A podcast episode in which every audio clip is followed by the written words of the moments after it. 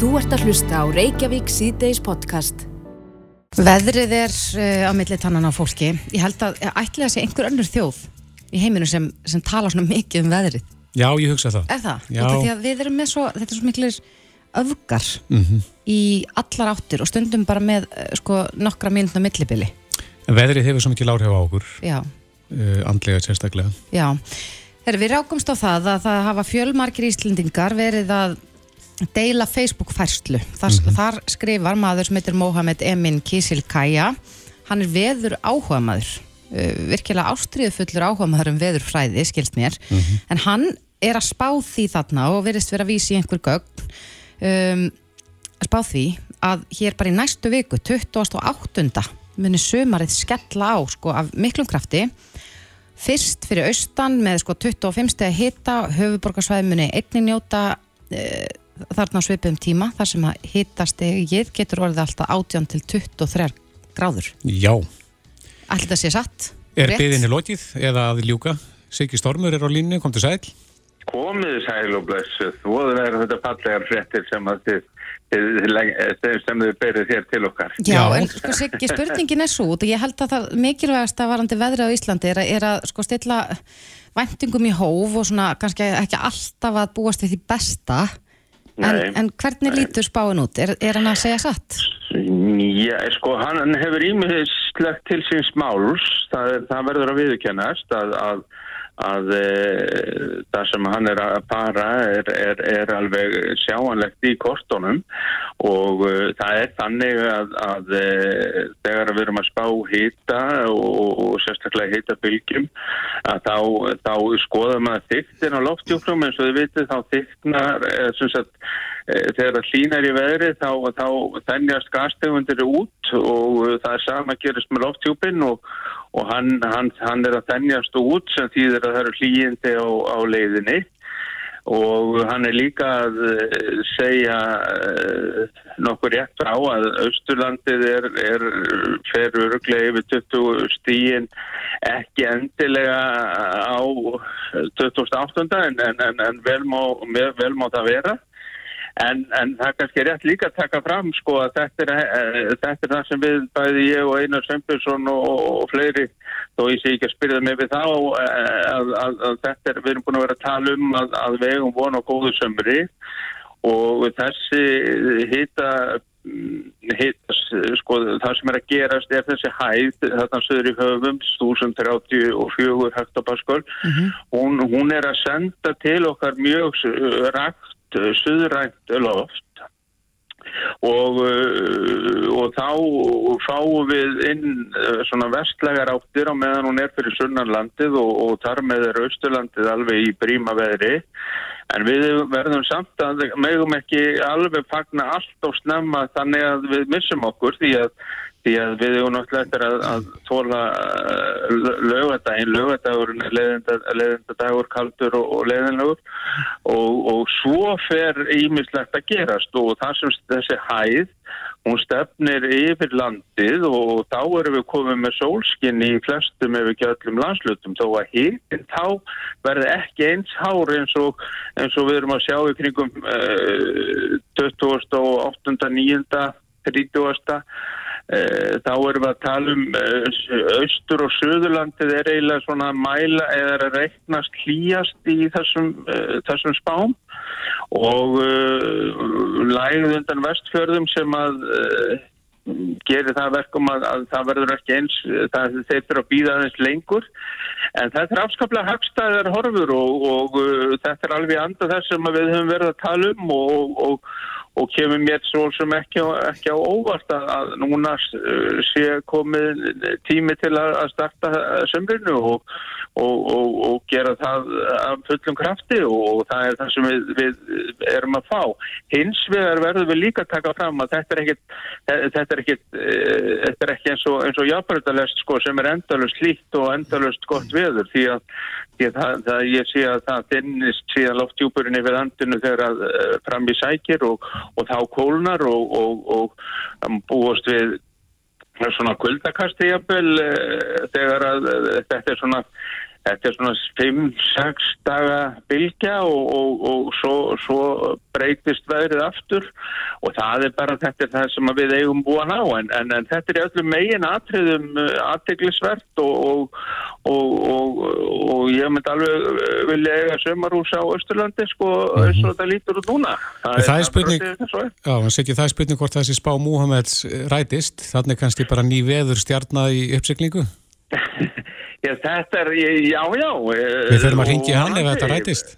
Volandi, en eins og ég segi að, að, að þið voru nú með viðtal veinar núna fyrir stuttu og, og ég var þarna einhver staðar þarna undan og, og við vorum sammálum um gott sumar og, og það sem við erum að sjá núna er, er byrjunin á góðu, góðu sumri volandi en, en, en við getum, það er bara með þetta svo annað að, að spár eh, eru vittlusari eftir því sem lengra og fjær dregur frá rekni eh, tíma uh mhm. -huh. og, og, og, og ég sé ekki að þetta sé sko einn ein allserjar sko bara rússipanna reið í, í, í góðviðri þó að þetta komi þarna inn og... Það sé ekki, hún þórti spurði hérna áðan hvort að Íslendingar tali meir um veðrið heldur en aðrir.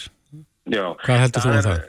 Það, það, það er ekki rétt sko, tilfellið er það að ég þekki nú mikið til á Spáni og reyndar víðar Danmarku og Þýskalandi. Þetta er, þetta er eitt allserjar umræðefni og, og, og ef það er hlýtt á Spáni þá, þá kvarta menni yfir hlýjendum ef það er kallt þá kvarta menni yfir gulda Eh, Danir eru, þeir eru ekki búnir kælikerfum í íbúðum sínum að svona öllu jöfnu. Mm -hmm. og þeir, mæ, það er svona mæði sem kemur og menn má svo blása yfir því að, að sé og heitt og allt og heitt inni og, og þannig að, að veðrið er eitt eh, mest umtalað efni sem að uh, já, ég, ég bara uh, vil meina það tróni á toppnum. Já, ég þarf greinilega að fara að umgangast fleiri en, en aðra Íslandingar sem tala um læðurnar og, og, og sko jæljagangin Já, hins, hins vegar er þetta náttúrulega þessi ömurlegi tími sem erum búin að hafa eða síðan í desember að hann er að fara og við erum að sjá frendan á honum og þegar þessi hæð verður komin sem er svona 1. júni cirka að þá erum við komin með bóng og blíðum alland og, og, og þá gleði gleðist stjóðin vonandi e, með því. En ég er ekki viss um það sko þó ég megi nú kannski ekki segja það en, en, en sko ég held að mann vilji frekar herri kaup heldur en heldur en heldur en hittan Já en, en sko hann, hann Mohamed vinnur okkar. Áhuga maðurinn Mikli og spámaðurinn. Hann Já. eh, hann spáir bongoblíðu er þetta fullir það um eitthvað slikt hann er já, kannski líka það sem er ólíkt við hann og ykkur eh, Siggi, mm. ykkur viðfræðingarna, hann, hann nefnir dagsetningu sem einhvern veginn já, er mjög hressilegt að, að eh, allavega bara býða eftir einhverjum ákveðnum degi og þá mun koma gátt þauður Já, en, en gleymum því ekki að þetta er, þetta er til dæla stutt í þennan dag og við nú eru komna spár sem að við erum, sko annars erum við að tala um veðurlagsspár sem eru, eru tímabilsis veðurspár sem að, mm. sem að gefa svona tíðafarið sem að við megum vænta og svo eru við með dagurbundnar spár sem að eru, eru sem ná mest Já, það er eindir að þetta reiknast út í hefða óendilega en, en, en svona 5-6 daga fram í tíman þykir, þykir, þykir gott og, og, og, og um, það má eiginlega segja að, að menn er ofta að balfa því að það er ekkert að marka þetta þetta eftir fimm daga. En, en það er nú orðnar ansi góðar spár og nú er gerfi greint að koma inn í, inn í þetta líka sem að gerir spátnar enn ákvæmari heldur en alla þannig að, að, að eh, við, erum, við eigum vona á, á, á betri spám svona innan, innan ekki svo alls langs tíma þannig að, að ég er bara mjög spenntur en, en, en þetta er það, hann hefur ímestlega til síns máls og ég fagnar fagna því að hann nefnir þessa daga en, en þessi dagar eru náttúrulega bara þrýr eftir þrjá daga 28. eftir þrjá daga og, Við skulum sjá hvort þetta rætist hjá hann um Mohamed Við, við skulum gera það og ég hef full, full að trúa því að þetta rætist á Östurlandi og síðan Suðurlandi en, en þeir þurfa að býða lengst á Östfjörðu. En lögutæginn þurfa að þóla. Já, gerum það, reynum að þrauka hann, Siggi Stormur. Hann, þá kemur þetta, svo kemur þetta komið, svo, svo fer þetta í gang. Kæra þakki fyrir spjallið. Það var lítið, allt í fína. Bless, takk, bless. takk. Bless. Þú ert að hlusta á Reykjavík C-Days podcast.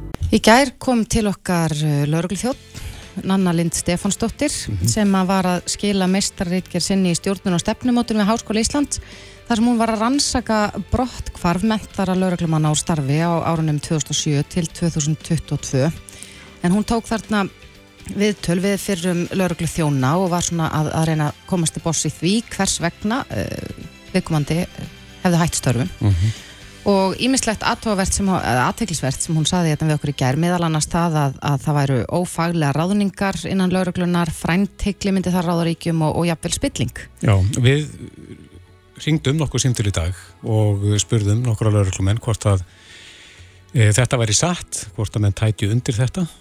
Og þetta vakti náttúrulega miklu aðtegli meðal lauruglumanna og, og svari var að þarna væri hún að segja hluti sem aðrið þú er ekki að segja. Já En hann er sestur í okkur, Fjölnir Sæmundsson, formadur landsambands lauruglumanna. Kom til sæl. Já, komið sæl.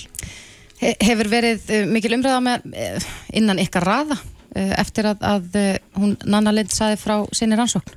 Í hvað ég, nú veit ég það ekki alveg að því ég er bara búin að vera á skrifstofu hjá LL í dag, en ég hins vegar ringdi í nönnu í morgun og sagðist vilja kaupa af henni reitgerðina og baða hann um að halda kynningu á henni fyrir stjórn LL. Þannig að ég, ég var kífur lánaður að, að sjá þessu frétt og, og, rósa henni fyrir reitgerðin og er mjög spennt fyrir að lesa henni. Ég er bara búin að lesa svo sem það sem hún saði hjá ykkur. Mm -hmm. en, en hvernig er það? Nú hafa einhverju sagt og maður séða líka bara umröðan á samfélagsmiðlum, já þetta er það sem allir vissu.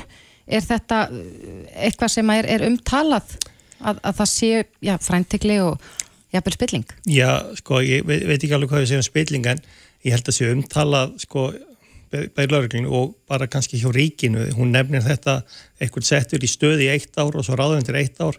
Ég held að þetta, einhvern veginn allir sem vinna hjá ríkinu þekkja þetta og þetta er einhvern veginn vitað og, og, og við hjá landsafaldi lauruglumanna hefum stundum sendt eh, bref til embætta sem er að auglisa og spurt okkur settu þau ekki bara nafni á viðkomandi auglýsinguna? Því að þarna, það, þetta á ekki vinit annan.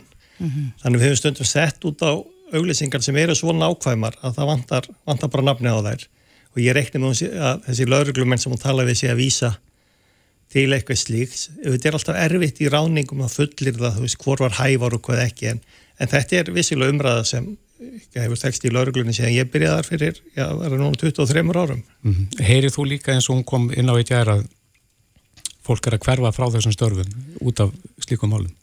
Já, sko ég ég, svo sem ég aldrei vitað okkur fólk er alveg á hverja frá störfum en ég hef náttúrulega sagt ofnböru vettvangi að þarna, það, það duði ekki alltaf bara að þarna að mennta fleiri og fleiri lauruglumenn, það þurfi að, að gera eitthvað til að halda þeim í starfi að þarna og ef þetta er eina ástæðanum að þá þá bara er, er um að gera ráðast að þann vanda sko en mm. Þetta eru dýrir, þetta ekki, þetta eru dýrir starfsmenn. Þetta eru mjög dýrir starfsmenn sko, sem að ríki sér um að, að menta Já, já, já, ég man nú ekki hvað hvað kostar að menta eitt lauruglun það er einhverja miljónir og, og ef þú tekur bara sko lauruglumann út á götu líka og, og, og setur alla grægur á hann þá hefur það verið metið svona eina miljón bara að kaupa búnað á eitt lauruglumann mm -hmm. og þarna en auðvitað þekki alveg gegnum í starf sem formal landsafasins og áður sko erfið samskipti undir og yfirmanna og, hana, og það er oft átök innan lauruglunar sko, og, hana, og, og það, er, það er alveg þannig og oft svona átök þegar einhver er ráðinn í, í stöður því það er ekki, er ekki endilega það margar. Nei, en, en það, eins og hún saði við okkur að þá, þetta skiptir málega að ráðningar séu faglegar og nú fyrir skemstu var nú talað um, um sko, skipun í embætti lauruglustjóra í vestmanni, þar sem að var talað um að að sko hann var skipaður, hann Karl Gauti ánhæfisnefndar, það væri óvanalegt en, en hins vegar ekki að það væri nöðsynlegt nei, nei. Eh, hver er þín skoðun á því? Ætti að vera hæfisnefnd sem að, að skipar í slíka empati? Já, það, sko já, ég veit ekki alveg hvað skoðun ég hef á því e, eða á hæfisnefndum, hvort þær eru betri eða verri en hann og þetta vitum við það alveg sko að, að það, það er eitt að vera hæfur á bladi og, og annað, annað að vera hæfur í, í, í, í viðtali sko, það er ekki endilega svo hæfasti sem er mest mentaður alltaf, þannig að þetta, þetta getur verið erfitt. En hann að sko, við hefum líka stundum verið að setja út á það, svo ég tala náttúrulega mótið sjálfur mér að, að sko ef ég er að ráða eitthvað í vinnu og er með eitthvað hæfisblad, þá get ég alltaf sagt þið komum svo íllutu viðtalun ég ætla ekki að ráða eitthvað þannig að sko þetta er óbúslega erfitt einhvern veginn að eiga við þetta. Mm -hmm. hvernig svo hæfa sér ráðin? Ef, ef þú ákveður bara sjálfur að búið til bladi sem metur hæfið og exap svo bara við eftir doldi kannski eftir eigin geðþótt eina sem er sko örugt er bara prófisjór með. Margt annað er bara doldi huglegt Já.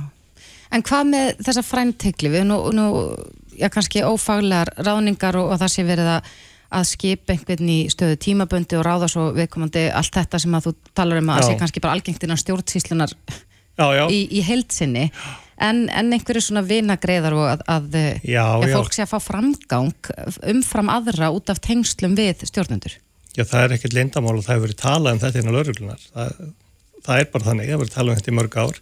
En eins og ég segi ég hef svo sem engar sannanir fyrir því en, en, en þetta eins og maður segir orðið og göngunum að mm í laurugli að svona hafi þetta oft, oft verið.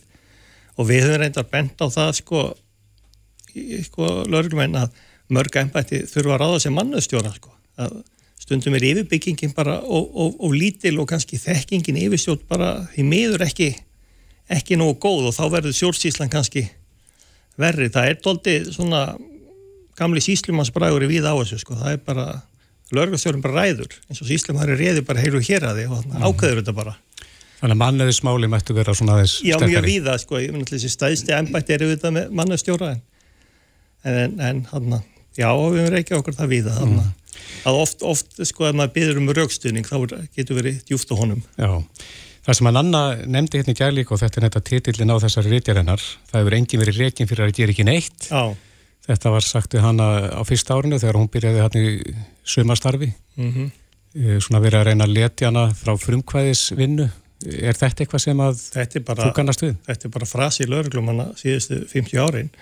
Það verður einhver reygin fyrir að gera ekki neitt. Mm -hmm. Þetta ánáttlega kannski upplega við það að það eru margi regnir fyrir sko, eitthvað harkarlega handtöku eða, eða eitthvað sko og það er stundu verið sagt að lauruglum hans er útbrunnir í starfi, það er ekki alltaf lengri leðin á vettvang mm -hmm. til, að, til, að, til að lenda ekki neinu sko. Þannig Það er vantilega að vísi það en þetta er svona kannski líka bara brandarinn á lauruglunar sko. Þú ert ekki reygin ef þú gerir ekki neitt.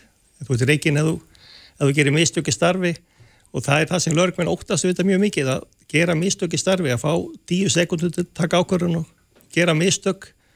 Og við höfum til dæmis verið að segja sko að það, það er auðveldri að gera mistöki heilbríðiskerfinu en sem lauruglumadur því að sko, landsbítalinn verður ákærður heilbríðistarfsmaður en þú persónulega sem lauruglumadur Þarf að breyta því? Það þarf að breyta því. Það þarf að koma til svo kallar húsbónda ábyrð. Það er ennbættið það ekki ábyrð á, á sínum starfsmönnum en, en þú sko sért ekki starfi sem lauruglumadur og svo er allt í nörtu bara einstaklingur og enginn er að styðja þig að þér verður á mm. og þetta verður öllum eitthvað á og það er mjög auðvelt að gera mistök sem lauruglumadur. Hafið við viðrað þetta og reynda að fá þessu breyt? Já, já, við höfum talað við þarna í ráðanætið og við fengum þannig í gegni þessu að við þurfum ekki að segja til dæmis nafna okkar fyrir dómi lengur e- eins og var, segjum bara lauruglunúmer mm -hmm. þannig við erum svona Hvað græðist á því? Já, það græðist nú bara því að ímsir aðeinar í, í samfélaginu vita þá ekki nákvæmlega hverða verðt og vitnar gegn þeim sko. Já, geta leitað uppi Já það er nú bara ótt, óttinn við það sko mm -hmm. en, en út af því að Nanna var nú að rannsaka sko brottfall mentara lauruglumanna er, er tímabært að, sko þú tala alltaf um það að það dögur ekki að bara ráða og, og þjálfa Nei. fleiri og fleiri lauruglumenn það þarf kannski þá frekar að ráðast á rót mm. vandars hvers vegna fólk er að hverfa á brott já, já, já. Er, er lungu tímabært að, að fara í slikt átak? Já, já það er lungu tímabært ég tók eftir því að, að Nanna nefndi ekki fjölga lauruglumenn, ég tók eftir með mér tölur sko að 2007 er 712 starfandi lauruglumenn 2022 er 759 mm -hmm. þannig að þarna og, og, og þar að vera 85 sko ólærðir meðan þeir voru 29 2007 mm -hmm. Þannig að við erum með eins og staðan er núna færri mentaða Í... lauruglumenn enn 2007 Já, Já. við erum það við erum það aðeins færri mentaða Þrátt fyrir eh, fjölgun þjóðarinnar og, og ferðamanna Já, já, og mörg átök í laurugluna fjölga og átök þessari dild og hinni dild mm. og styrkja kynfjörðsportin og svo peningaþvættið og svo fíknefni er alltaf svona skamtína átök sko mm -hmm. eða svona, já, átök, já. Mm -hmm. En eru margir hann úti sem að eru sprenglærðir og eru búin að fá þessa, jafnvel, viðbóta mentun í sínu starfi sem lauruglumenn sem að væri físrætt að fá tilbaka? Já, já, það er mjög margir. Hva, hvað eru þið margir heldur þið? Ég veit það ekki sko, en þú sér það, meina það hafi verið, sko, mentaðir cirka, já, millir 20 og 40 lögreglum á ári síðust áratvíi mm -hmm. og, og samt er raunin ekki raunfjölgun, þannig að það er fullt af, sko, lærðu fólki að núti lögreglumannum. Já, og lögreglumenn þá með dýrmæta reynslu já, og þekkingu. Einu sinni var það þannig að það var alltaf beðið eftir kreppu, þá kemi fólk aftur sko, í lögregluna, mm -hmm. fær alltaf í góðarinn og kemi aftur í kreppunni en það eh, hefur nú svo sem breyst sko. Veistu í hvaða störf lauruglumenn er að leita sem hætta störfu? Nei, ég veit það ekki ég... Það var nú oft talað um eh, hjókunar hjókunarfræðingan að þær fær í flugið Já, ég, það hafa eh, lauruglumenn og konur gert mikið sko, ég held á tífambili vastu bara með hjókunarfræðing og, og lauruglumennum borð sem flugfræður sko, vast til til laurugur hjá flugleðum ég veit þá að farið sko mm -hmm. er það, ég veit það og margi, leitaði í, í, í flugið og svo er það náttúrulega einhverju veit ég hjá tryggingafélögum og, og annað og, og auðvitað gegnum tíðin hafa margi lögum líka verið innaða menn þannig að þeir hafa kannski haft sko að eitthvað hverf og jæfnvel betur launuðum störfum mm -hmm. og segja sem svo er að þetta er kannski ekkert óbúslega vel launastarf fyrir vaktavinnu og, og álægið og auðvitað hverfa líka margi brúr starf út af álægið sko Og svo líka kannski þessi persónulega ábyrg sem hún talar um, að hún er, kannski trekkir ekki að þegar að launin er ekki Nei, hún, hún, hún, hún gerir það ekki sko. Og ég held bara margir hverfi frá störu bara þegar þeir eignast fjölskyldu, eignast börn, að þá hugsaði bara þetta, þetta starf gengur ekkert með, með fjölskyldu og börnum. Ég ætla ekki að vera hér undir hótunum og, og fjölskylda mín eða, og það, það er alls konar svo leiðis held ég sko, mm -hmm. þeim spila líka inn í, veist, það er aukið álag sko í, mm -hmm. í því. Mm -hmm. Já, mm. þetta er aðtöklusvert og uh, það er alveg spurning hvort að, ég minna, fyrst að þú segir nú að, að nanna ætla að kynna niðurstöðuna sína fyrir ykkur að, að hvort að það verði farið í eitthvað átakt til þess að reyna að snúa þessari þróun við og bæta ástandið. Já, ég vona það. það er, sko, við hefum nú verið í samvinnu við félagun Norðurlandunum því að þau horfa fram á þetta líka sko, að það er að, sko, þau vilja fá lærða lögurglum inn, af, inn aftur. Það er ódýrara að fá einn lærða lögurglum en heldur að menta nýja mm -hmm. miklu ódýrara. Já, getur við lært eitthvað af laurugluliðanum á hinnum Norðurlandunum? Ég hvernig kannski helst lært það hana, að horfast í augu við þessa þróun sem er að verða sko. að, að, hana, að þeir sko, finnarnir segja það sem gerist í Svíði og gerist hjá okkur eftir tvö ár sko. svo gerist það hjá ykkur eftir tvö ár og það er bara þessar glæpa klíkur og allt þetta, þetta er bara að koma og það er bara að horfast í augu við þetta aukinn vopnaburð og, og hörku og við þau verðum bara já, við höfum bara játaði fyrir okkur ég stundum sagt að löggar er alltaf lein öllu fyrir samfélaginu, sko, það má aldrei segja fólki hvernig staðan er. Af hverju er það? Já, það er bara svo upplýðið örugur þegar þú fara að sofa held ég að leina okkur sannleikanum Já, En er, er það ekki bara meiri skellur þegar þetta allt í hennu blasir vimman og kemur aftanamanni? Jú, jú, það, það getur verið það það, það er kannski bara að segja fólkið alltaf ástandið Já, mm. Já Fjölnir Sæmundsson eh, formaða landsambands lauruglumanna Þetta er aðdegliverð. Kjæra þakki fyrir komina. Já, takk. Þetta er Reykjavík C-Days podcast.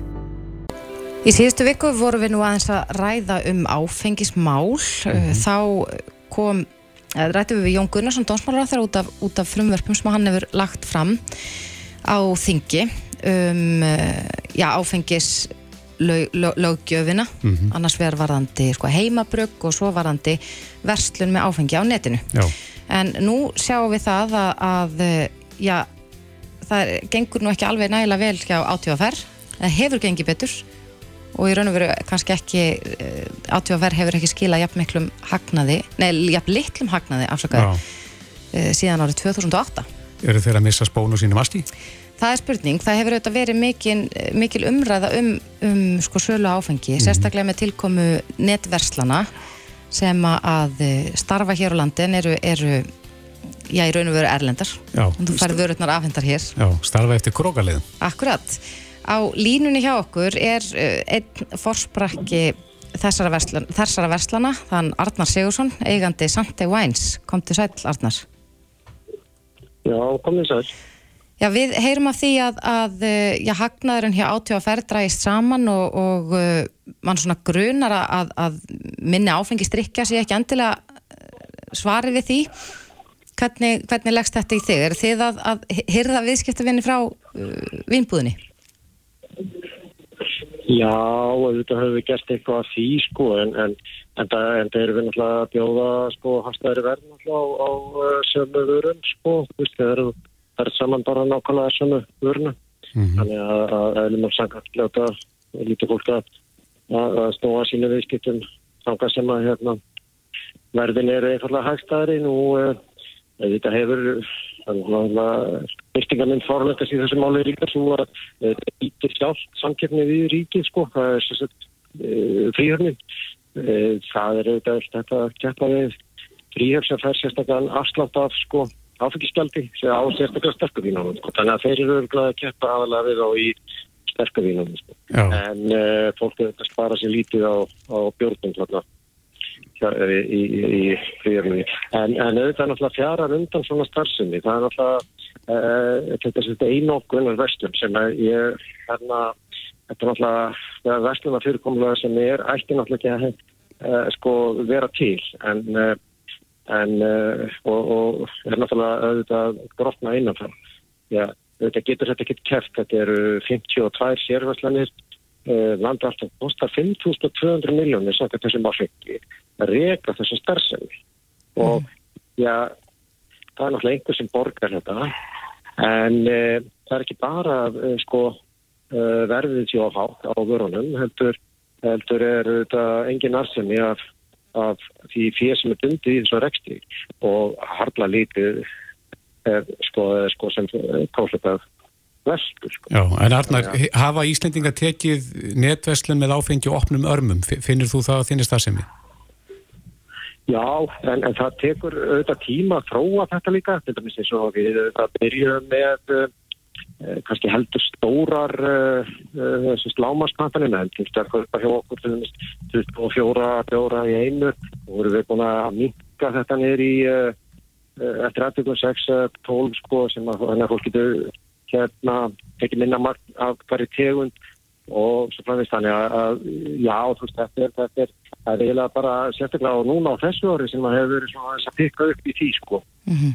og þetta þetta, ég menna það er náttúrulega mikil verðbólka og, og, og, og þrengir að núna, þannig að líklega fyrir að fara fólk að, það má segja sko að þeir sem er náttúrulega vestla í e, ríkinu, þeir náttúrulega hafa, það og há laun, fyrir að vera.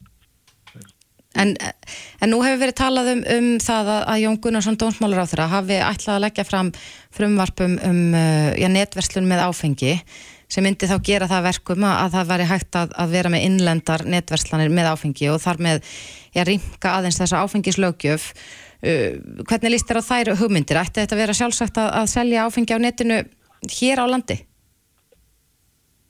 Já, það er náttúrulega sjótt að vera að sjá það þetta er náttúrulega gerðsanlega galið að, að aðlar eins og við síðan að sko greiða skatt í tjennu löndum reyka erlenda vestlun á Ísland ég meina þetta, þetta er bara þetta er bara andstaðan er bara við hérna hjá þessu fórsjárhyggju fólki eins og sérstaklega náttúrulega Valki og, og Fransók sem að ég er náttúrulega bara uh, ja, blindir á veruleikan eins og þeir eru staðfæstir í trúni það er bara að hrúa því að þessi ríkisæstur sé bara það eina sekja sem að, sem að sé uh, á veitur setjandi en, en sem eru auðvitað alveg þeir eru Farið, sko. En Arna, þú ert að fara krókaleið í þessu, þú ert svolítið að snúa á kjærfið, en hverju myndi það breyta ef að, ef að þetta er í festi lög hér að, að innlend netverslum áfengi er þið leið?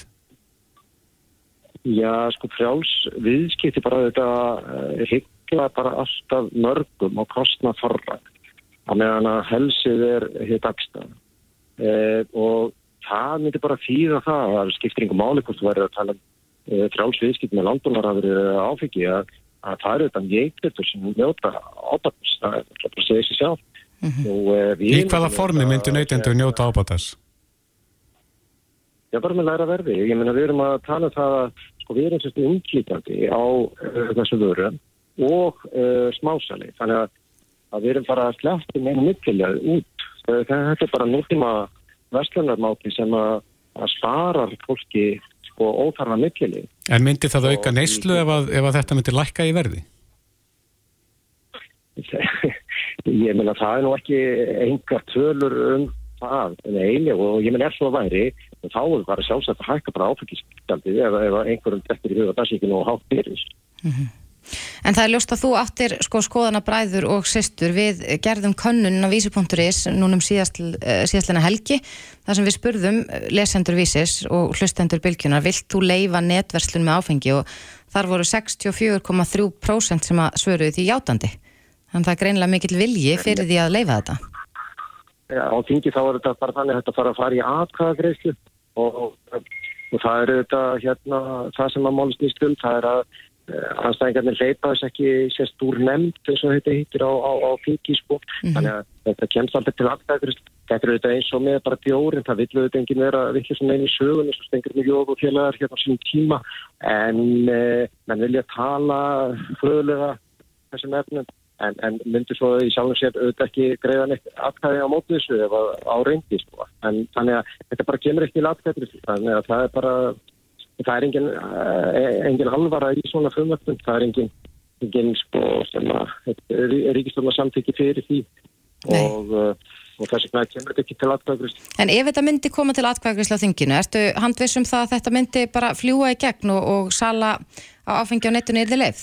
Já, að sjálfsögðu, sko, það, það vil enginn, sko, það myndi ekki vilja, sko, greiða atkvæði á móti, sko, því að þetta er bara eins og, vil enginn vera villisum einu sögum, þannig að mm. þetta er bara eins og í, þetta með bjórin, sko, það, ef þetta eftir að higgja að, hérna, að uh, það myndi enginn vilja uh, vera í spóra stengri sjóð og, og hafa verið anstæðingur bjórsins sko. það, er, það er hérna kannski meinatrið sko en, en, en menn vilja auðvitað tala mótið þessu sko en, en uh, sko í Frankvænt þá myndir náttúrulega ekki vilja vera mótið sko Nei En, en uh, já, það verður forðanilegt að fylgjast með framvindunni hvort að, að þetta muni eitthvað tíman koma til atkvæðgræsla þingjun en eins og þú segir uh, og okkar könnun gaf til kynna þá er nú einhver vilji fyrir því. Uh, við byrjum bara kærlega að helsa Svo var auðvitað gott að, að, að sko ef að, fjölmjöla myndur nú bara einfallega sko fara svolítið í gegnum þennan ásegning vestæði fyrir sér sko hver er að borga fyrir þennan rekstur á þessum sérvestunum þetta er eitthvað ískiptalega eitthvað gálega heldur en til dæmis hérna reksturinn á mjölkubúðunum hérna forðum. En, en og svo þetta með líðhilsumarkmiði sko átíða þess tryggi sko kaubaldur sko viðskiptavinna þá eru við náttúrulega rafræn skilriki meðan að þeir eru auðvitað með allt neyru sig í þeim efnum og, og ungmenni sagt að þeir eigin alltaf slepp í gegn eh, í auðvölda eitthvað fyrir fimm, eitthvað fyrir sex ungmenni sem reyna uh, slepp í gegn. Akkurat þannig að öryggi er betur tryggt að, að ungmenni kaupa ekki áfengi.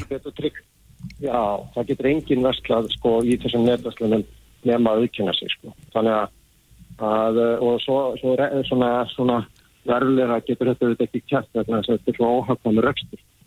Mm -hmm. Já, við verðum að setja punktin hér. Arnar Sigursson, Já. eigandi Sandi Væns kæra þakki fyrir þetta og bestu hvað eru út Já, takk sem fyrir Þetta er Reykjavík C-Days podcast.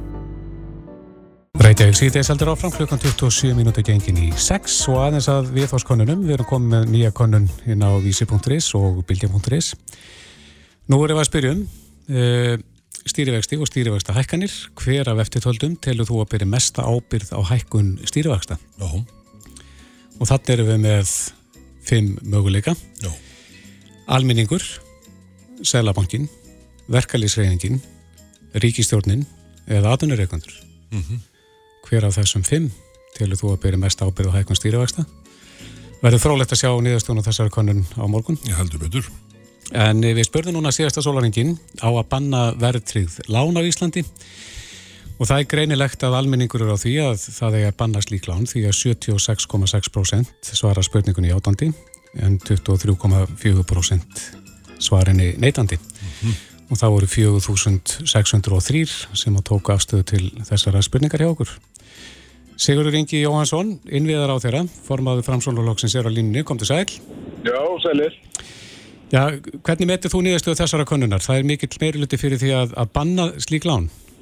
Já, það er bara gott að heyra að, að almenningur er á þeirri skoðun að, að verðsir lán séu nú svona varhuga verð.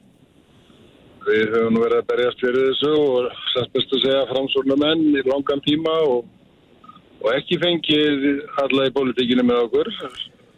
Bara, Nei, hver, hver er það sem að... Stend bara þvert á móti, all flestir hafa verið á móti því og, og reyndar aðlar vinnumarka er eins líka þannig að að við nú svona svolítið verið að tala lengi gegn strömmnum en ég held að, að um, við settum nú vinnu í gang á, á áronum 13 og 14 í ríkistjórn þar sem hafa sett mikil verðtryggingar hérna starfsópur mm -hmm. sem komst nú að þeirri nýðistöðu sem að ég held að allir séu svona orðið sammála um að, að þessi 40 ára verðtriður lán séu svona eitraður kokteil og gildra fyrir fólk á meðan að kannski það var meira umdeilt hvort að verðtrið lán á tímanum svona 10 til 25 ár væri ekki nöðsilegur valkostur fyrir þá sem að minna höfðu til þess að lækka greiðslubyrðina að sérstaklega á þeim tíma því að þá vorum við ekki komin með þennan möguleika sem við síðan sáum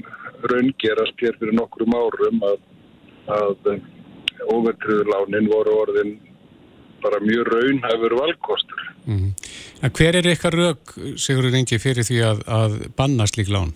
Já, það er fyrst og fremst þetta að, að 40 ára lánin séu, séu geti verið ákveðin gildra vegna þess að við höfum auðvitað séð í gegnum tíðina hagsveifluna ganga svona doldið upp og niður og, og við þekkjum það að á þessum 40 ára tíma þá getur sankast doldið inn á höfustólinn þó svo að greiðsluturinn sé viðræðanleg og, og fyrir viki séum við að greiða allt og hái verði húsnæðisett.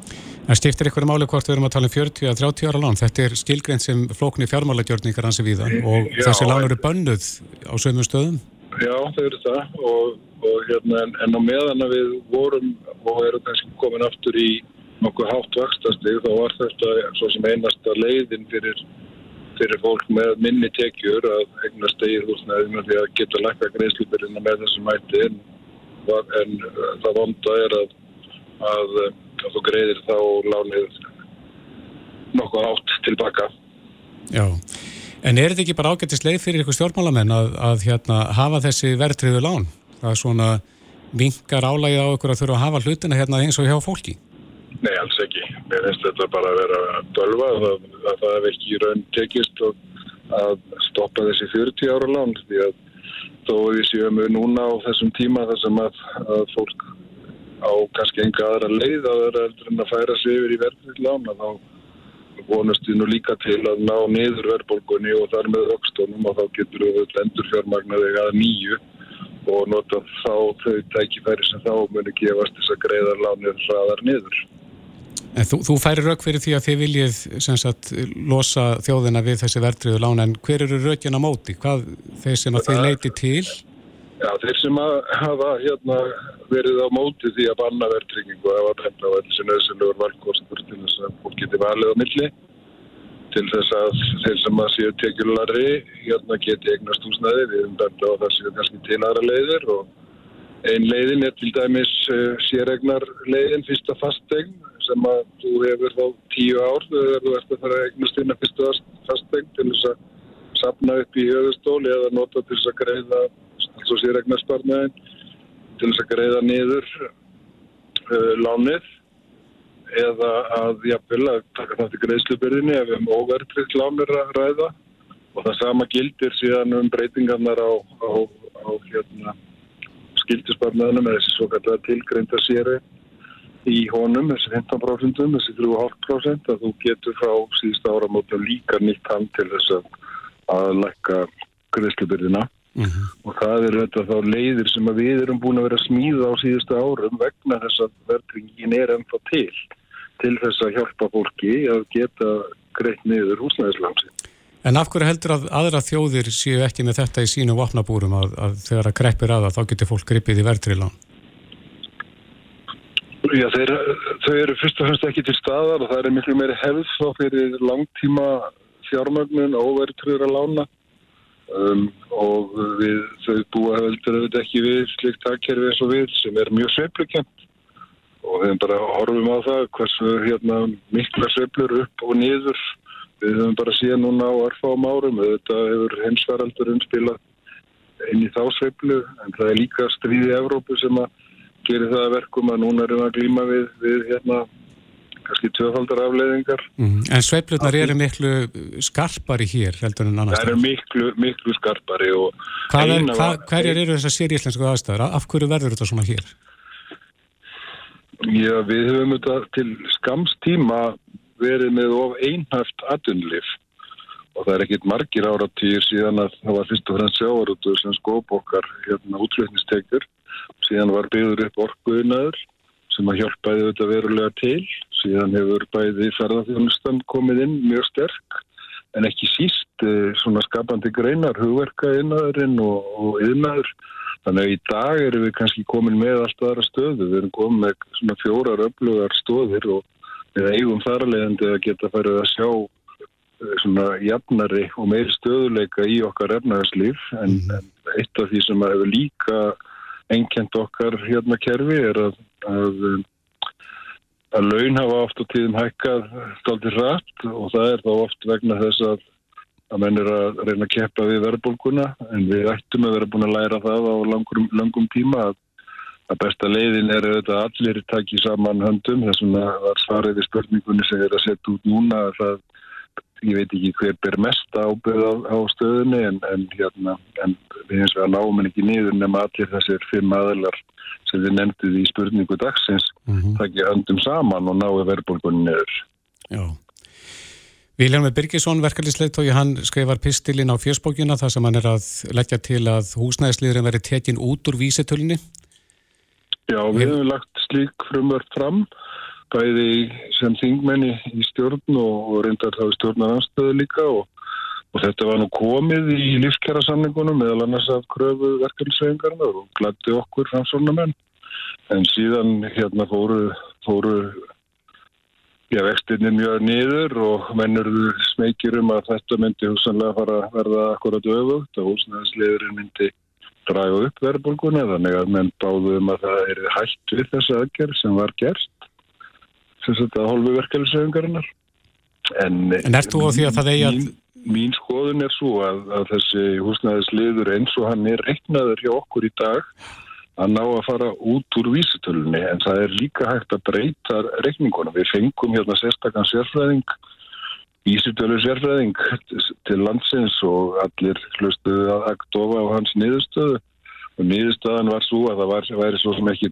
svo mikil, mikil bjögun í þessu kerfu okkar en að þessi húsnæðisliður væri reiknaður rámt og ég hef satt að segja bara verið að býða eftir því hagstofan leiðrétti þessa hérna útrækninga og mér skilst að það standi nú til að gera. Er það nóg fyrir hagstofun að, að breyta útreikningum? Það þarf ekkert yngripp stjórnvalda til þess. Nei, það er nú bara hagstofan sem hefur þetta með höndum sko. Já. En ég er, er heils vegar á því að húsnæðisliðurinn eins og hann er í dag að þá eigur hann seflunar og ígir þær og þetta er mjög neikvægt að markasverð fyrst og fremst á höfuborgarsvæðinu hafi þessi vítæku áhrif á verðri lán og, og húsalegu samningar svo dæmis í tekið. Þannig að ef hann verður reiknaður út með svipiðum hætti í löndum eins og Svíþjóð og Kanada sem eru með sambærilega vísitölu nálgun að þá myndi rei- útreikningurinn ekki byggjast á markas hérna, verði hvers mánadar heldur á lengri tíma og þannig myndi þann verða svona seflu jafnaðari en ekki íkja hérna, eins og hann gerir í dag. En ef við snúum okkur aftur að upphafsspurningunni sem vorum að velta hérna upp varandi verðtriðu lánin, uh, telur eitthvað líkar á því það sem þetta hefur verið kapsmál hjá ykkur rannsóknarmönnum í dágóðan tíma að, að losa þjóðina við verðtriðu lán, áttu vona því að það verði, að, að við náum að losna við hana? Já, leiðum við náum niður þessari verðbólgu og náum vöxtum og náum þeim stöðuleika sem við heldum nú kannski við værim að fara að ná áður en að heimsfaraldur og, heim, og stríð í Evrópu skalla á okkur vegna þess að við erum búin að undirbyggja samfélagi miklu sterkara með þessum fjórum, fjórum öflugu stóðum undir efnahægin að þá held ég að það sé nokkuð augljóst að, að hérna, verðri lán bara hverfi eins og, eins og langt og þau geta komist og við þurfum auðvitað líka að, að, hérna, að byggja miklu meira húsnæði og reyna að ná jafnvægi á þeim markaðu og það er það sem við erum að leggja talsvægt mikið á okkur í, í þessa mánuðin og mánuðin og missirinn að, að undirbúa. Já, akkurat. Þá hverfa verðriðu lánin. En 40 ára lánin eru, eru eitthvað sem að ég held að allir líka þeir sem að hafa nú barist gegn því að fella niður verðringun eru sammálum að, að þau séu heitraður kokteil eins og stóð nú í þessari ágættu skýslu. Mm Aðeins að þessum miklu sveplum í, í uh, þessum hagsveplum hjá þjóðinni, hversu stóra rullu spilar íslenska krónan og gjaldmiðlinn okkar? Hún er, er annars vegar, er lítill gjaldmiðl en hún er, hún er gríðarlega öflugur sveplujafnari fyrir okkur þegar að hún fer nýður og þá lækka við okkar lífskjör en þá hækka útsletnistekjur þjóðarinnar og við erum fljótari að ná okkur fyrir vikið. Þess vegna erum við svona fljót upp eftir niðurseflunar en á, og, og hérna ef við værum til að mynda með efurus og dæmis í tekið þá myndi þessi sveifla verið tekin út í vaksandi aðtunleis og við þekkjum það og það er eitthvað sem við sættum okkur illa við Íslandikar að vera með að jafnaði millir 5 og 10% aðtunleis eins og er í mjög mörgum Európa þjóðum. Já. Aðeins hérna aftur á þessu með eh, húsnæðisliðin í vísatölunni, eh, ertu að bóða það að húsnæðisliðinu verið tekin út eða er þetta bara endur útreikningur? Já, vonaði hann verið reiknaður út að vísi og það er svo sem verið bent á það að þó svo hann er tekin út úr vísatölunni að þá myndir menn þurfa að hafa einhvers konar viðmið um húsnæðiskostnað en í löndum þar sem að hann er þá byggður meira á, á húsalegu eða slík, eða ekstra kostnaði en ekki í kaupverði íbúða þá er hann, hann auðvitað öðruvísi þáttur. Þannig að verður kaupverði tekið út úr reikningstæðinu núna? Það verður, verður reiknað öðruvísi og hérna með, vonandi með sambarilegur hætti eins og við þekkjum frá annars að Svíðjóð og Kanada ef við mann rétt að voru þau lönd sem voru hvað líkust okkur. Ef að þetta er tekið út í dag, þessi liður, hver væri staðan þá? Ég man það nú ekki alveg nákvæmlega núna en það hefur aðeins komið okkur auðvitað óvart á síðustu tvo manniði hafi semst húsnæðisliðurinn haldið áfram að hækka. Maður skildi nú ætla að hann væri farin að draga hérna verðbólgunni eða vistföluna sko niður en hann hefur, hefur okkur að held í óverum mörgum að, að þá hefur hann heldur lagt til síðustu tvo manniði mm. meðan að mánuðinu þar og undan var hann svona farin að vera nættfæl eða verðbólgunni niður. Hún væri, hún væri eitthvað örlítið lagri heldur en, heldur en hún er í dag ef að húsnæðislegurum væri úti. Já. Sigurður Lingi Jóhansson, innviðar á þeirra. Kæra þakki fyrir spjallið. Takk sem leðis. Reykjavík síðdeis á Bilginni podcast. Já, ég ætlum aðeins að skella okkur út á þjóðvegi landsins. Já. Nánatildegið á Suðurlandsvegin. En það er nýbúið að opna uh, síðasta kaplan, uh, þarna milli Selfos og Hveragerðis Og hvernig verður þetta tekist til? Því ég veit, tekist við að þú hafa kert þetta. Já, og þeir eru einhvern veginn sérfræðingar hjá vegagerðin að, að þegar maður keirir þessa leið núna í dag, að þá er eins og maður hafi alltaf kert þessa leið. Já, já, akkurat. Þeir ná einhvern veginn að, að hérna, fjela gömlu vegamótin og, og þetta er svona eins og þetta hafi alltaf verið svona. Og velhæfnað. Og mjög, velhæfnað. En þeir sem hafa kert uh, þessa leið, þar að segja Selfos Reykjavík, undarfærin ára og ára tíu, þeir muna þá tíð þegar að það var mikið um slís og alvarleg slís á, á þessari leið. Mm -hmm. en uh, það er minnum fréttir af alvarlegu slísum uh, sérstaklega kannski á helliseðinni sem að var það var mikið um slís á, á þeim kabla mm -hmm. En það er gott að, að svo sé ekki lengur og það er spurning hvort að þessar framkvæmdir sem hafa verið og, og uh, búið að tvöfalda veginn og fleira Já. hvort að þetta sé að skila sínu. Einmitt, Ólafur Guðmundsson, umferðar sérfræðingur og fyrirvændi teknistjóri Júrorap verkefni sinns er á línu, kom til sæl Já, komið sæl. Ef við byrjum þess að því, Júrorap verkefni gekk út á það er það ekki að, að kanna og meta vegi landsins svona út frá mögulegum slísum? Já, bæði mögulegum slísum, það er rétt og eins líka hvar slísin hafa orðið. Hmm. Þannig að við vorum að gera þetta á tunnanhátt, annars að með því að keira vegina og hérna, meta það hvar er hættulegt eða hætta í kringum vegina eða í veginum sjálfum mm -hmm. og hins vegar að skoða út frá umferðarmagni og fjölda slýsa, alvarlega slýsa og barnaslýsa árin á undan.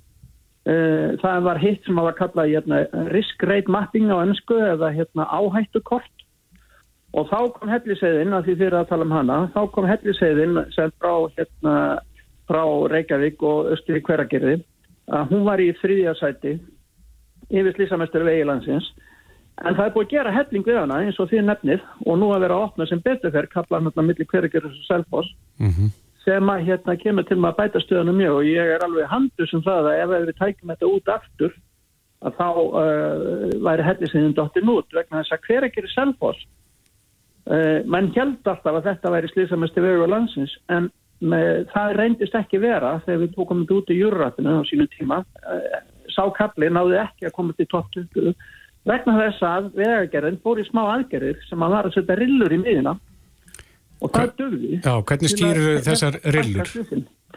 Rillurnar eru sem að er sett í miðjuna sem kvítalínin er sem aðskilur aðstustöðunar uh, og það varar aukumenn við ef þeir eru að fara yfir á öfuga vegarhefning. Og Já. staðrindin er svo að þegar fyrir upp fyrir svona cirka fjögur 5.000 bíla þá eru líkurnar á frámannavarustri ef þú ferð út af til vinstri og það meiri heldur en minni þannig að þetta skiptir málu út frá umferðarmagnið líka Já, þessar rillur, þær, þær vekja ökumenn sem að kannski dotta eins undir stýri.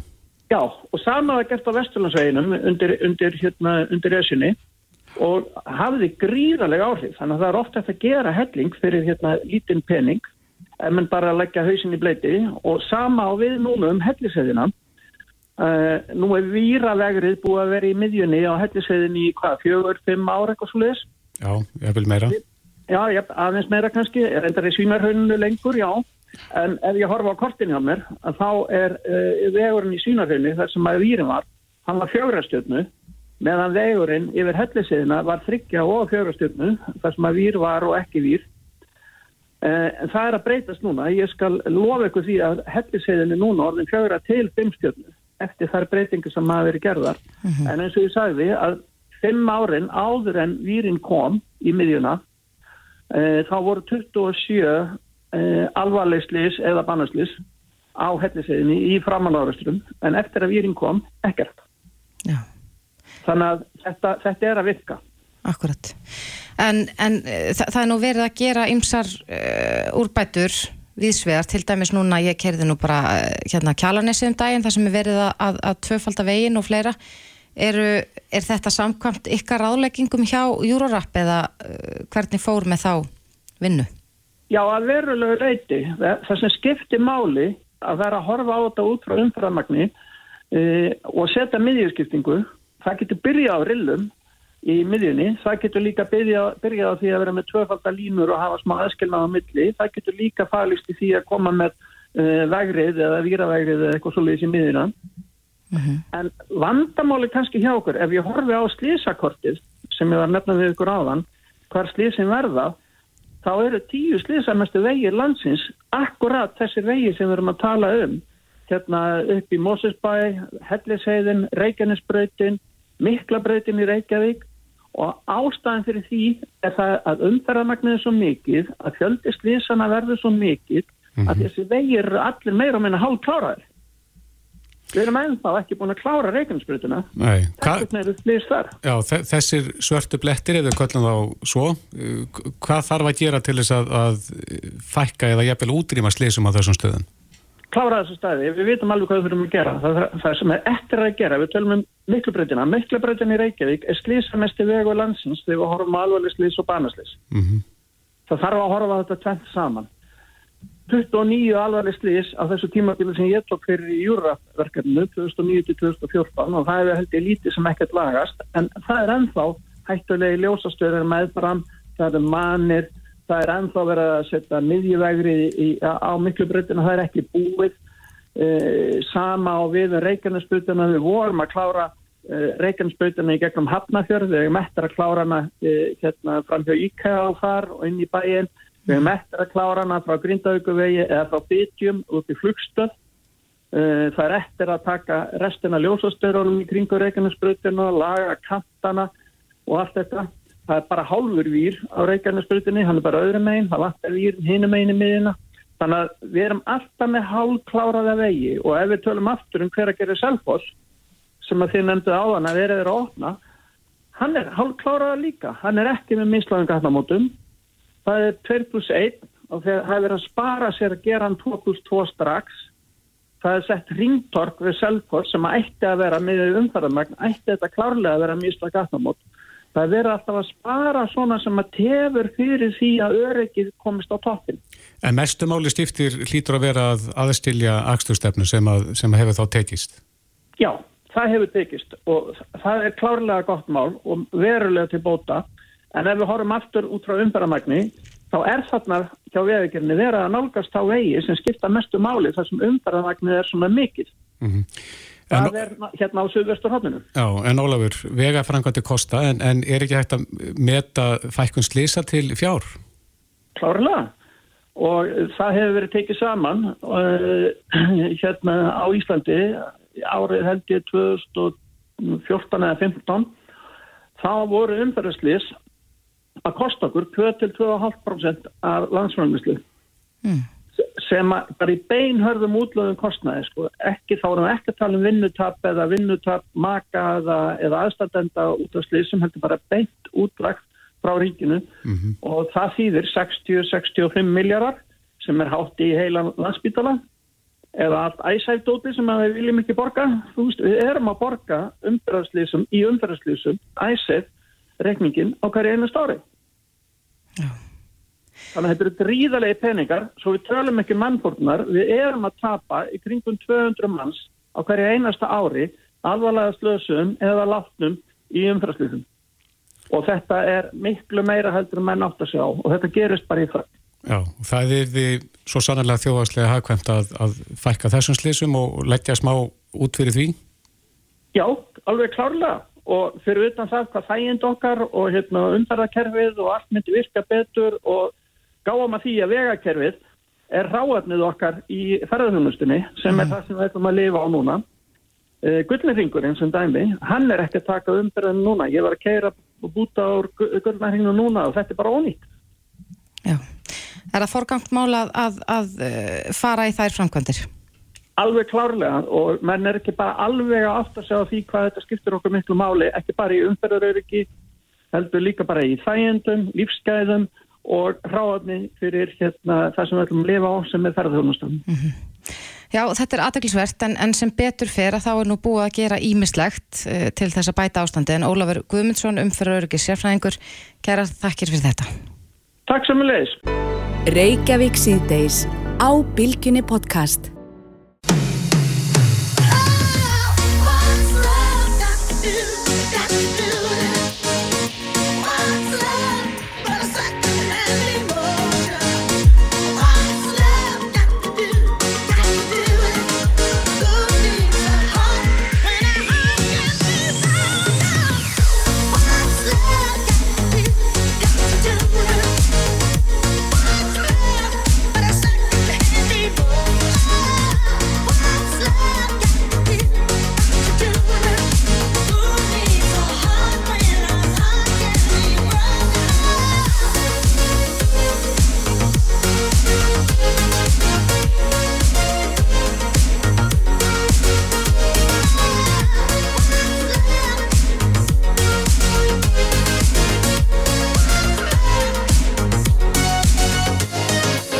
Það voru sorgafréttir sem að bárust yfir heimsbyðin í gær þegar að rock amman sjálf, Tina Turner sem að maður held einhvern veginn að væri ódöðleg hún, hún er látin Já, hún var 83 ára aldri og þetta kom fram í yfirlýsingu frá talsmanni hennar og þetta er nú bara rosalega skellur. um, hún er einhvern veginn, já hún er svo mikil góðsögn, eða var, Já. hún var svo mikil góðsögn Og og, er það tónlistin, er það ennþá, tónlistin lifir og ég var mér að reka augun í það að hún gaf nú út, sko endur gaf út uh, lag, lagið sitt Mhm. fyrir örfám árum síðan What's Love Got To Do With It, var það ekki það? Mhm. sem að, hún gaf Kækó með Kaiko og þá sko stimplaði hún sig algjörlega á í sögubækurnar með því að þá var hún svo fyrsta í sögunni til að ná í efstu 40 sæti topplistans í Breitlandi sjö áratu í Já, hugsaður að vera bara topplista í sjö áratu í röð. Já, það er magnaður árangur. Ég held að það sé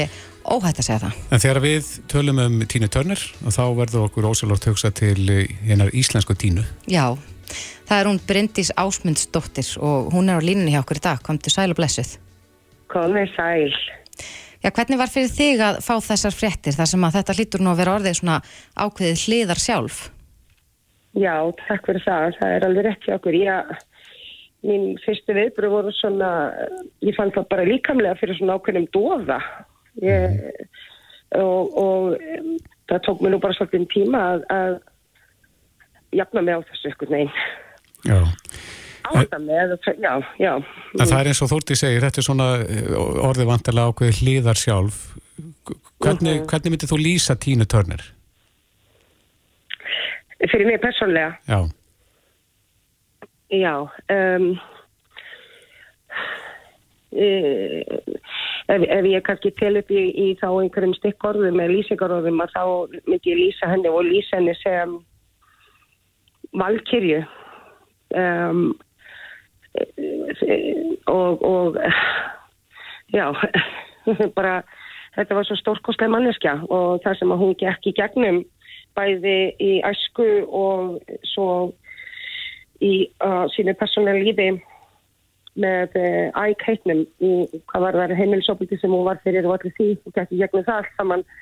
Þá gríðarlega sterk og mikilvæg fyrir mynd fyrir stólendur uh, allra sko bara í heiminum, ekkert bara, ekkert bara fyrir mig persónulega heldur og hennar uh, sín á lífið og uh,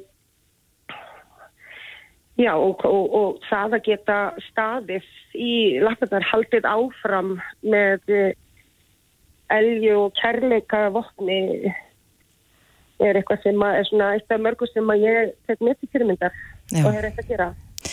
En, en Bryndís, hvenar byrjaðir þú að, að eh, já, taka hennar lög svona af, af, af, af mikilli vissu, má segja?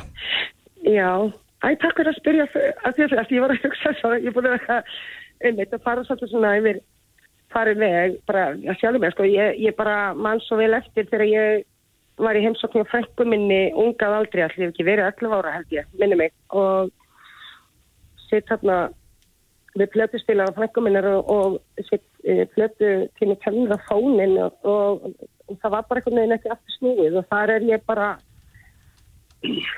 uh, já, ég byrja þá að hlusta, læra lögin hennar. Uh, svo er ég að, svona á eldri ári þá sko, í alvöru þá held ég, ég bara leiði mér að segja þau ekki byrja því ég var að syngja í karaoke fyrir frostavetru mikla. Já, og um, en svo gerist það uh, og því mun ég aldrei gleyma að vera Sigur Bengtils okkar æfilega þakklátt fyrir þegar að hún hafði svo samband við mig Sigur Bengtils og, og, og þar sem hún var að undirbúa sjó, tínu tönni sjó e, á brotvi sem var þá og hétt og hversu mörg ára eru síðan? Oh my god og uh, og þar bauð hún mér eh, að taka þátt í því sjói.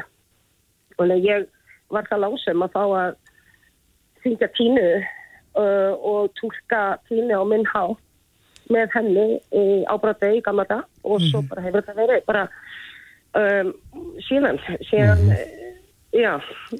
Þetta er bara, eh, en tína ég var að mynda að hugsa ég, ég var að reyna að byrja að skrifa svona hverju minningar eh, status í gerðkvöldi og ég strókaði svo oft út ég, ég ætti sér að taka mig lengri tíma en mér lí, leið alltaf og líður ennþá eins og þið vitið, þú veist, að ég hafi bara í alvegni þekkt hana persónulega já, akkurat. En það segir hérna eins ég mann og til með að, að vitna þess hérna í DFF, en það segir í fréttin á DFF að, að í tilefna hefnum alþjóðlega nýrnadegi sem var 9. mars mm. Fyrir rétt rúmið tveimur mánum að þá opnaði Tína Törnir sig um þá eftir sjá sína að það hefði ekki hugað betur að nýrna heilsu sinni. já, Þetta var semst á þessum alþjóðlega nýrna degi og uh, hún segist að þjáðst af of háum blóðhrýstingi og ýmsum öðrum kvillum. En uh, hún segir hérna nýrun mín eru fornalöfum þess að ég áttaði mig á seinta því að ég hef átt að leita mér hefbundinnar læknisjálpar varðandi háþrýstingin sem ég hef glýmt við. Þannig að hún hefur greinlega verið að. Þjást við svona ýmsa heilsu kvilla svona á síðustu metrónum. Já, sem, sem uh, í raun og veru uh, tengist þess að áfallastreituröskun af völdum óbeldis. Mm. Vegna þess að heimilisóbeldi uh, og uh, áfallastreita, þetta leggst líka á líkamann uh, og uh, lífærin og af því að hún var nú mjög heilsurast kona þar að segja að hún, hún var nú ekki í, í að hvorki að neyta mikið áfengis eða hvað þá eitthulefi eða slíku, hún hugsaði vel um sig. En þetta hefur allt saman áhrif. Já, ofbeldi hefur greiðlegt áhrif þannig að hún eh, og þetta var, ég man alveg eftir þegar þegar hún talaði um þetta en svo sá ég líka, svo sagði hún uh, sem að snerti mig mjög þegar um, hún er uh, stuttu eftir og að þau giftast að þegar hún giftist sínum heiltalska þau eru búin að halda sínu hjónabandi í, í, í, í svona nettum svona felum í ykkur 20 okkur ár sko. En þegar hún segir í viðtali ég er hamingjusum, ég er sátt ég er eh, komin á þann stað sem að ég þráði alltaf að fá að upplifa. Já. og ég er tilbúin og þá í raun og veru var hún bara komin á þann stað að hún svona var að sleppa tökunum svolítið. Já, já. Og það er kannski innblástur fyrir, fyrir aðra sem hafa verið í svipara stöðu hún. Mm Já. En svona kannski rétt í lokin, Bryndis, hvað, hvað er upp á slæðið þitt með Tínu Törnur? Hvaða lag þykir þér skemmtilegast að syngja? Þú ert nú meira kvikið Það þarfst að velja upp á milli, sko. Upp á allt lægið, já. Sko, uh, uh, já. Uh, já, já, já, já. Við heyrum það, þetta er erfitt. Þetta er mjög erfitt, sko. En ég er mitt, nú er ég að undirbúa, uh, nú þegar er ég með mér heiðra hana og það verða minningartólingar og græna hattinu 2004, sérst nákvæmlega til mánuð. Um, og ég verði að mynda að hugsa hvað er það eru nú þó nokkuð mörg lögin hennar sem að ég elska uh, en uh, Thunderdome er eitthvað sem að gefur mér mjög mikið. Fool in Love, ég elska lögin hennar sem hún tók í, um, á eldri árum líka sko. Uh, Fool in Love in, hennar útgáfa af Help með bíklónum það er, það er eitthvað sem að ég bara, ég fyrir út úr líkamannum bara þegar ég finn talað. Simply the Best private dancer, fyrirgjöfið, ég veit ég átt að segja eitthvað. Já, þú, þú, þú, þú fer bráð með að vera búin að tala upp katalógið en það, ég held að það verði nú seint hægt. En ka- kannski rétt alveg í blálókin vegna þess að þú talar um áðan að, að þeirra Sigga Beintin séu samband við þig og, og, og þú fær að taka þátt í þessu sjói á Broadway. Um, rannsakaður mikið að fórstu í rannsóknar vinnu til þess að kynna þér ævi tínu törnir til þess að koma þér betur inn í, inn í sko svona þetta hlutverk Já, það gerði ég svo sannlega. Uh, þá, og mér þótt líka svo væntu þegar Sigga sagði við mig sko á síni tíma. Uh, þú, uh, þú bara, þú gerir það sem að, að þú vilt, bara þú vilt fara með túlkun og túlkatín alla leið, þá gerir þú það bara. Ég, þú veist, og ég fekk svona, já, já, artistik leiði, sagt, já, leiði til þess. Svo ég, án Eva, bara og verandi leikona, þá þá var ég náttúrulega búin að stútra hana algjörlega í þeila, hvert einasta spór, þú veist, svipriði, sagan hennar, ég kann hana auðvitað. Þannig að þetta, já, þetta, ég ber, ef maður ber nú virðingu fyrir, fyrir listamannu sem er búin að hafa mikið fyrir að koma sér á þennan staða, þá, þá svona lágmarka allavega á mínum mati. Já, að, uh, já, fylgjenni alveg. eins og maður getur allavega. Já. Svo að maður það næri enginn. einmitt. Alveg. En þó að hún sé fallin frá að þá lifa lögin hennar áfram og, og hennar saga sem er ansið merkileg. En eh, Bryndís Já, Ásmundsdóttir, Það er alveg sagt. já, Bryndís Ásmundsdóttir, kæra þakki fyrir þetta og þú bara nýtur þess áfram að syngja lögin hennar. Takk fyrir það. Hlustaðu hvena sem er á Reykjavík C-Days podcast.